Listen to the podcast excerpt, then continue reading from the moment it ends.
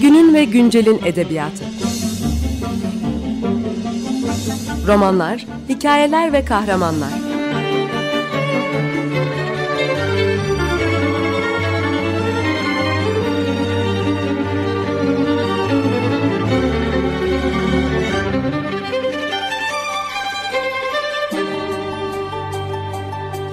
Hazırlayan ve sunan Seval Şahin.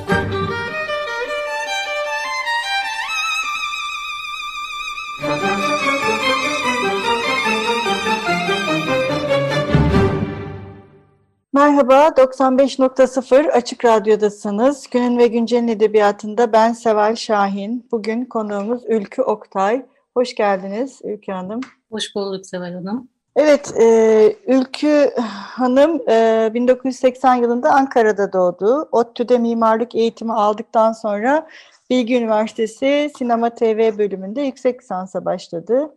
Yazmış olduğu senaryolar yurt içinde ve yurt dışında çeşitli ödüller aldı.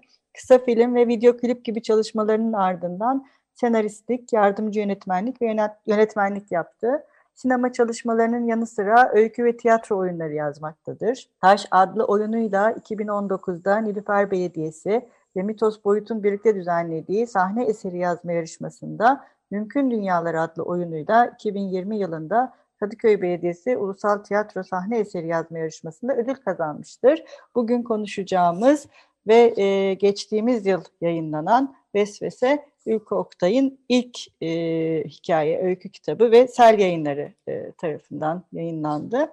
E, kitap 10 e, kadının bize anlattığı e, hikayeden, e, hikayelerden e, oluşuyor. 10 farklı kadın.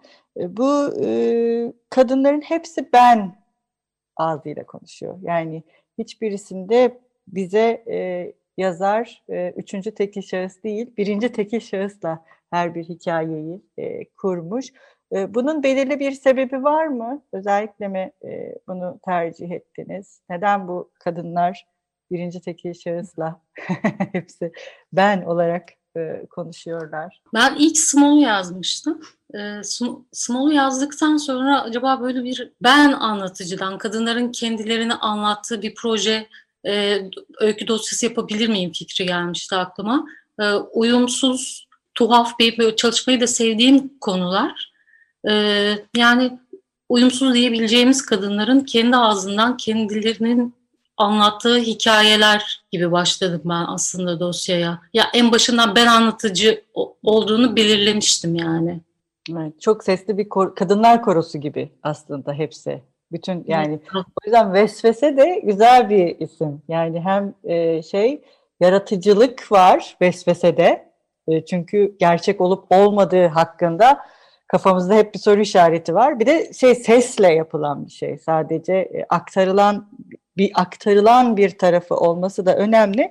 Nitekim bu kadınların yani bu hikayelerdeki kadınların hepsi bir e, başka kadının aktarımıyla da aslında uğraşıyorlar. Kendilerine aktarılan bir öykü, ne bileyim kendilerine aktarılan bir masal e, ya da kendilerine söylenen herhangi bir söz. E, bu bazen gelenek şeklinde ortaya çıkıyor. Bazen de iyileştirici bir şey olarak, sağaltıcı bir şey de ortaya çıkıyor. Yani aslında siz sadece burada kadınları konuşturmamışsınız. Bu kadınlar başka kadınlarla da konuşuyorlar aslında farklı sesler ve farklı araçlarla. Bu da yani kadınlar arası bir diyalog şeklinde kurgulamanız, kurgulamanızda kitabın etkili oldu mu? Yani bu kadınların yalnız kalmamasının bir yolu muydu başka bir kadının sesi? En başta tabii kurgularken böyle bir şey olsun diye başlamamıştım ama e, yazma aşamasının ikincisi, üçüncüsü, dördüncüsü gelirken bir şekilde kitabın içine çok erkekler girmedi. Hı hı.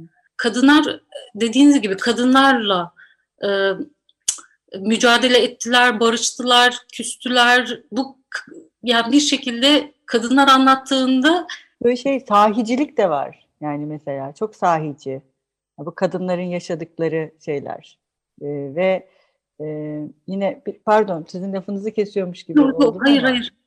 Mesela buradaki anne kız ilişkileri beni çok etkiledi kitapta. Mesela işte Satı'da var bir anne kız ilişkisi. Fidan'dan anlatılan dua mesela o da çok ilginç bir anne kız ilişkisi. ama çok sahiciler. Yani böyle e, yaşadıkları yine bir tane daha var annemin hikayesi ki o anne onu üvey anne mi yoksa hani şey mi oradaki hikaye biraz daha aslında farklı bir anne kız ilişkisine de dönüşüyor. Bu anne kız ilişkileri de işte bu bahsettiğimiz sözün aktarılması ve ne olursa olsun yalnız olmamak. Hani bir annenin varlığı ve bir anne içinde bir kızın varlığı aslında her tür çatışmalı, çoğu bazen acıklı e, ilişkiye rağmen hatta acılı o da onu da diyeyim ilişkiye rağmen aslında bu ilişki benim en azından hikayelerde gözlemlediğim e, yalnız değiller yani bir şekilde yalnız olmamalarına olanak veren bir ilişki iki tarafında sanki. Haklısınız bir yandan da e, mesela e, Vesvese'de de annesiz veya annemin hikayesinde yine an, anne kaybı. Hı hı. En çok anneyle olması daha sonra ben de bunun üzerine düşündüm. Şimdi bu kadınlar uyumsuz kadınlar zaten toplumla bir çatışma halindeler. Yani haliyle dönüp dolaşıp yine anneye geliyor mesela. Ee, ve e, buradan çatışma da çıkabiliyor dediğiniz gibi ya da vesvesedeki kızın yalnızlığı aslında annesizlikten yani Doğru. en temel en yalnız hali herhalde annesiz kalmak. Evet doğru. Yengesiyle birlikte ve yani yengesi e, yengesinin bir türlü annesi olmak istememesi onun. Mesela evet. o, onu ayrıca e, yalnızlaştırıyor ve yani ölmüş bile olsa bir annenin varlığı aslında onun bir taraftan da yalnız kalma. Yani bir kayıp aslında kayıp kaybın kendisinin e, varlığı bile yalnız olmamayı sağlıyor gibi hikayelerde. Evet çok güzel söyledin. yani o yüzden böyle şey. Evet yine en başa dönüyoruz. Annenin yokluğu başka bir kadınla, başka bir arkadaşla, Small'da anneyle tam kurulamayan ilişki aslında başka bir en yakın arkadaşla. Hep evet. en temelinde dönüp dolaşıp oraya geliyoruz. Bir de şey de Small'da çok güzel bir hikaye. Çünkü kadın arkadaşlığı, burada araya giren bir erkek de var. Hani ben böyle şey diye bekledim. Hmm, bu böyle kötü bir hikayeye dönüşecek galiba diye okurken biraz korktum ama sonra bir kadın dayanışması yine sonunda e, ortaya çıktı. Ee, ve bu hikaye hani bu sahicilik, kadınlar arası ilişkilerdeki sahicilik, bu da sahici bir şey. Ee, evet gerçekten böyle vesvese ettiğimiz, kurduğumuz, zaman zaman işte kıskandığımız, hiç olmayacak şeyleri aklımıza getirip kendimizi suçladığımız, burada da yani o boy, bütün o duygusal boyutun hepsini yaşıyor kahraman ama temelde onu e, hep erkekle birlikte arkadaşıyla olan ilişki de ilgilendiriyor. Mesela onu hiç şey yapmıyor, kafasından uzaklaştırmıyor. Hep birlikte düşünüyor bu ilişkiyi. Ee, evet aslında en yakın arkadaşı fiziksel olarak kıskanma hikayesi. Yani orada e, Small'daki erkekler iki erkekte. E, hem Çiğdem'in hem Sevda'nın anlat e, erkekleri onlar biraz dediğiniz gibi şeyler, araçlar gibi. öykünün içinde. Evet. Zaten evet. şey isimleri de birinin adının Çiğdem, ötekinin Sevda olması da herhalde tesadüf değildi diye düşündüm okurken bilmiyorum. Çünkü gönderme yaptıkları en azından Yasin'in gözünden e, onları görme şekli e, ve anlatıcının bize e, işte o güzel ya da işte giyinirken e, duruşu falan daha erotik, kendisi daha böyle aşkla dolu bir insan falan böyle o şekilde Sevda ve Çiğdem olarak hem bir zıtlık hem de bir e, iyi arkadaş olma, dostluk e, hikayesini bir arada yürütüyorlar. E, isterseniz bir ara verelim. Şimdi e, ne çalalım bugün programımızda ne istersiniz? Ya kitapla ilgili benim aklıma e, Nazan Öncel'den Nazlı Ay geldi. Ben normalde yazarken çok müzik dinleyemiyorum. Fakat annemin öyküsü, annemin hikayesini yazdıktan sonra benim de çok içim parçalanmıştı hikayenin sonunda. Sonra bir şekilde Word'u kapattım. YouTube'dan bana bu şarkı önerildi ve böyle çok duyguları paralel gelmişti. O yüzden öyle bir benim için hani kitapla duygusu özdeş bir şarkıdır. Peki onu çalalım o halde. Merhaba, tekrar 95.0 Açık Radyo'dasınız. Günün ve Güncel'in edebiyatında ben Seval Şahin. Bugün e, Ülke Oktay ile birlikte ilk öykü kitabı olan Vesvese'yi konuşmaya devam ediyoruz. Programımızın ilk bölümünde e, Vesvese'deki kadınların e, hepsinin birinci tekil şahıs ağzından e, konuşmasından bu şekilde bir koro gibi konuşmayı da e, sağlamalarından ve ayrıca her kadının e, başka bir e, kadınla e, hikayelerde kurduğu e, bağdan e, ve bağlantılardan bahsetmiştik.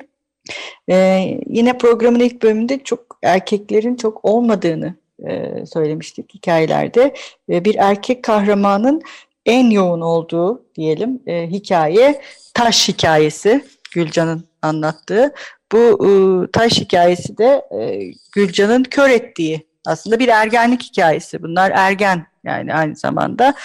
E, kör ettiği Yusuf'un bilmiyorum siz düşündünüz mü? Acaba bu taş aynı zamanda Yusuf'un tam da bu ergenlikteki erilliğine de mi atılan bir taş? Hani bir kadın olarak ve onun kör olması sonrasında Gürcan'ın da Yusuf'la başka bir ilişki kurması, bu erillik ve ergenlik ve erkek ve kadının birbirlerini hangi gözle gördüğü, biraz Yusuf'un burada kör olması da sanki manalı mı?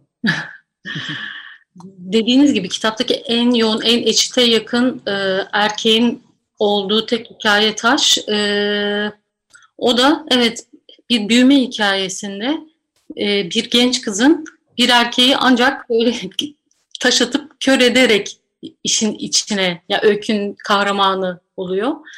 Ve aslında iki uyumsuzun hikayesi. Birisi kilolu, diğeri kör. İlk aşk hikayesi çıkıyor buradan. Yani bir genç kızın dediğiniz gibi kör etmesi ve bunun onda aynı zamanda yaşattığı vicdan azabı vesaire onlar da ve de şey gibi düşünün. Bir de bu kör olan e, kahramanın adı Yusuf. Yani bu da manalı. Çünkü güzellik timsali ya Yusuf. O güzellik temsa, timsali olan e, ya da en azından işte kutsal metinlerde hep Yusuf e, güzel e, olarak e, güzellik denilince ya da erkek güzelliği denilince ilk akla gelen e, tamamen gözünün kör edilmesiyle bambaşka bir e, şeye e, dönüşüyor. Şimdi yine kitaptaki ilginç hikayelerden biri kapının önünde hikayesi. Burada açılmayan bir kapı var ve bu açılmayan kapının önündeki bir genç kadın var ee, ve onun o anda hissettikleri e, aklının e, ve kalbinin köşesinden geçenler var hikayede. Bu böyle sanki bir bilinç akışı gibi ne gelmişse aklına böyle sadece e, o kadar çok konuşuyor ki e, hikayede sanki her sözü o kapının önüne bırakıp gitmek ister gibi bir hali var. Hani bütün bu sözlerim açılmayan bu kapının önünde hani size dert olsun, bu kapıyı açmayanlara dert olsun der gibi bir e, hali var e, buradaki Serpil'in. Bu hikaye e, bir taraftan tabii çok da acı bir hikaye. Yani yaşadığımız toplumda kadın olmanın, o kadın olma normlarına aykırı, tırnak içinde aykırı davranıldığında neye mal olabileceğini de hep kafasından geçiren bir e, genç kadın var burada. Yani ben genç olduğunu düşündüm çünkü sürekli hani evet, dışarı çıkmayın falan diye düşünüyor. E, bu hikayede Serpil'in sesinin çok böyle ne diyeyim kapının arkasına geçmeyecek bir şekilde kısık bir hali var sanki değil mi? Onu şöyle yazmıştım ben. Yani kapı açılmadığı anda yani hani tek bir andan oluşuyor aslında. Yani bilinci yarılıyor ve bütün o ailenin bir parçası olmakla ilgili ne kadar korkusu varsa hepsi aynı anda aklına üşüşüyor. Ama ilk başta kendini suçluyor. Yani ben acaba nerede hata yaptım da bu kapı niye açılmıyor? Aslında hani tam da dediğiniz gibi toplumda kadın olmakla ilgili hani e, daha sonra böyle ortaya çıkıyor ki aslında kendiyle de ilgili değil. Onların aile yapısının e, bayağı bir bozuk olmasıyla ilgili tam bir o e, bilincin yarılma halini anlatmaya çalışmıştım. Evet o bilinç yarıldığı için de ayrıca bir acı çekiyor aslında. Serpil yani. O onu e, kendisi görmek yani kapının önünde kaldığında fark ettiği için. Bir diğer yine e, hikaye kalpler dileğin hikayesi. E, bu da bir otel odasında görülen e, rüya mı yoksa gerçek mi?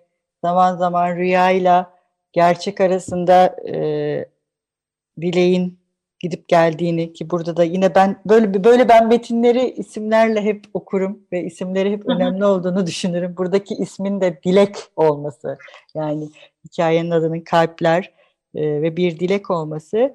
E, bu hikayede de benzer bir bilinç yarılması mı var e, Serpil'in e, yaşadığı gibi yoksa burada biraz daha farklı bir şey, unsur olarak mı e, yani rüyada mesela aynı işlevi mi görüyor? Evet rüya burada diğeri direkt şeydi e, o anın yarılmasıydı. Burada aslında rüya ile e, bütün bir adamın hayatındaki ikinci kadın olma durumunun onda yarattığı durumu anlatıyor rüya vasıtasıyla. Diğerinden evet şey olarak daha farklı, teknik olarak daha farklı. Ama o da hep kendi kendine konuşuyor. Yani Evet o, adam dinlemiyor. Evet dinlemiyor. Kendi yani yine anlamıyor da. Evet dinlemiyor, anlamıyor. Bir taraftan şey diye de düşündüm ben. Hani aslında rüyasında mı anlatıyor Dilek adama bunları? Yani gerçekte hiç söyleyemediği şeyleri rüyada bir e, dileğe mi e, dönüştürüyor? Ama bir taraftan sanki o hayatı dönüştüremeyeceğinin kendisi de farkında olduğu için bu kadar kendi kendiyle konuşuyormuş gibi bir hali var. Yani adam duymuyor ama o da sanki değiştirebilirim diye düşünüyor mu var olan evet. durumu? Ben şöyle düşünmüştüm. Bu son an.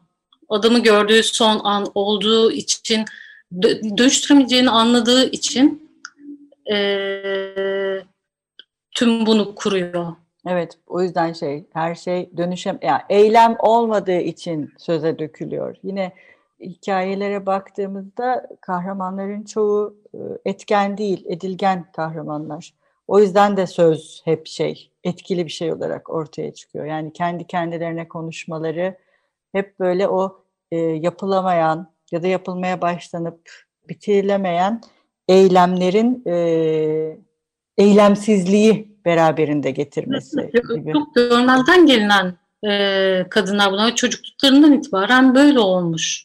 Onlar o duruma da alışmışlar. Buna rağmen kendilerine hala yol arıyorlar.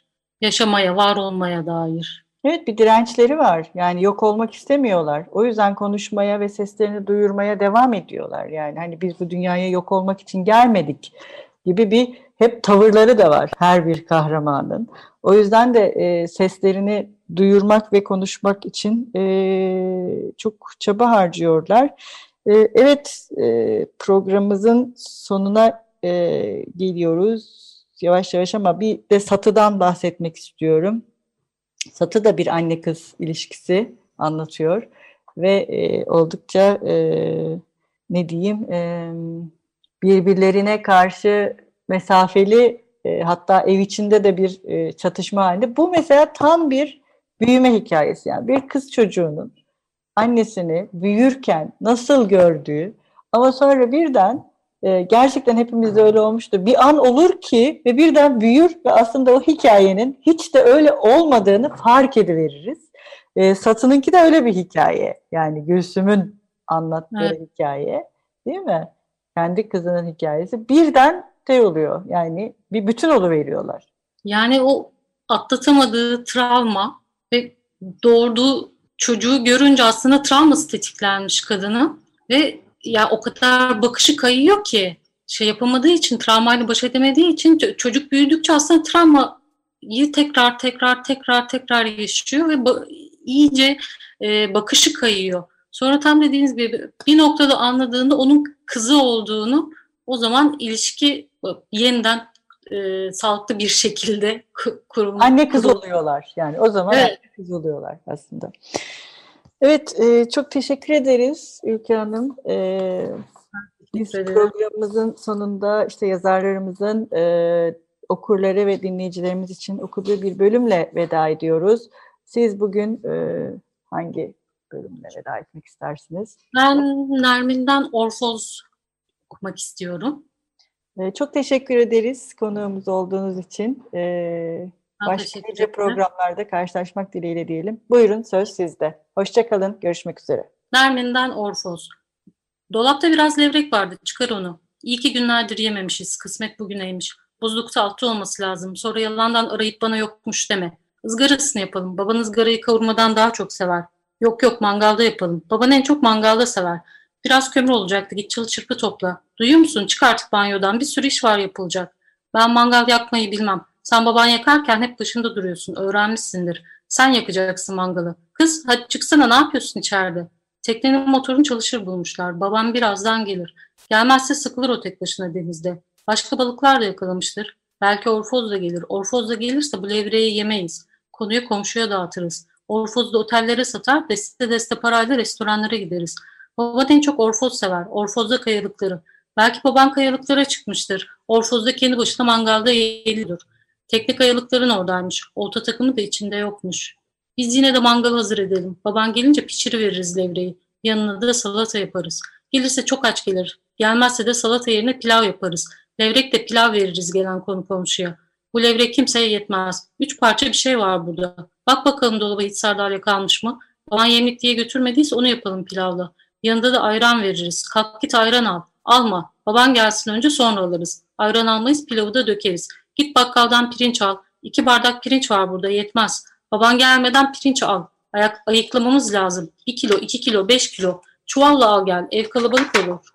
Taşıyamazsan söyle bakkala yardım etsin. Pirinci yazdırıp da al. Paramız yok. Baban gelince öder. Gelmezse de sen çalışır ödersin. Benim bu yaştan sonra çalışacak halim yok ya. İmama da haber et. Gelsin dua okusun. Baban gelmeden önce söyle. Baban gelirse deriz imama gelmesin. Ne yapalım ki biz imama? Baban hiç sevmez imam falan. Baban gelmezse çağıralım ama imamı. Babana dua eder. Komşulara da haber ver. Herkes gelsin. Baban gelmezse sardalyayla pilavı veririz. Hepsini yiyin deriz. Aksırıncaya, tıksırıncaya kadar yiyin. Baban gelirse defolun gidin evimizden deriz. Baban hiç sevmez misafiri. Yeter ağlayıp durma çık artık şu banyodan. Günün ve güncelin edebiyatı. Romanlar, hikayeler ve kahramanlar.